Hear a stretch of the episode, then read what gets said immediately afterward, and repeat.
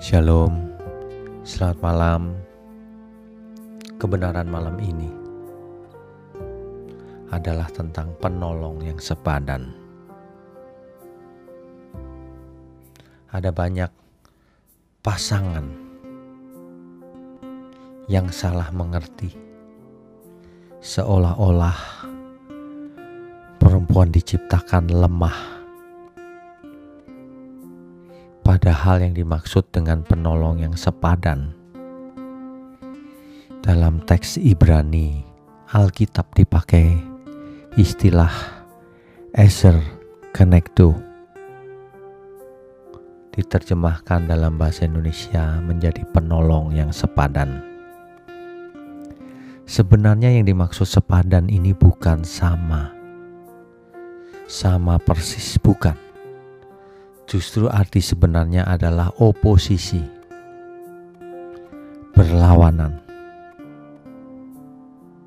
Tetapi berlawanan di sini bukan berarti bermusuhan, tapi berlawanan itu saling melengkapi, komplement.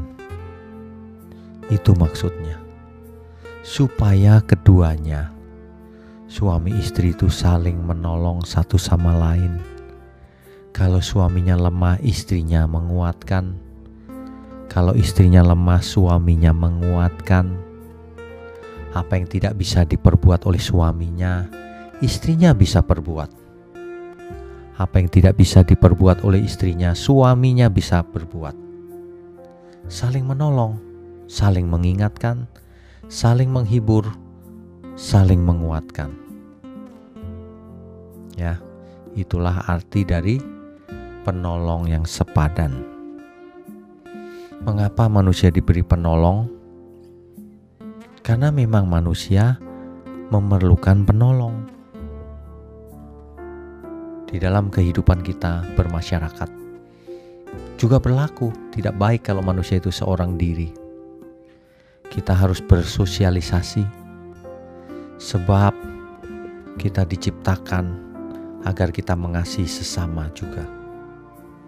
Dan untuk mengasihi sesama, jelas kita harus bergaul, bersosialisasi. Manusia butuh penolong, bahkan manusia butuh juru selamat. Sebab tanpa adanya juru selamat manusia semua binasa tapi dengan adanya juru selamat, maka manusia diberi kesempatan untuk melakukan bagiannya, untuk belajar, untuk belajar mengenal Allah yang benar, mengenal kehendaknya, dan melakukannya tentu saja. Bapak Ibu sekalian,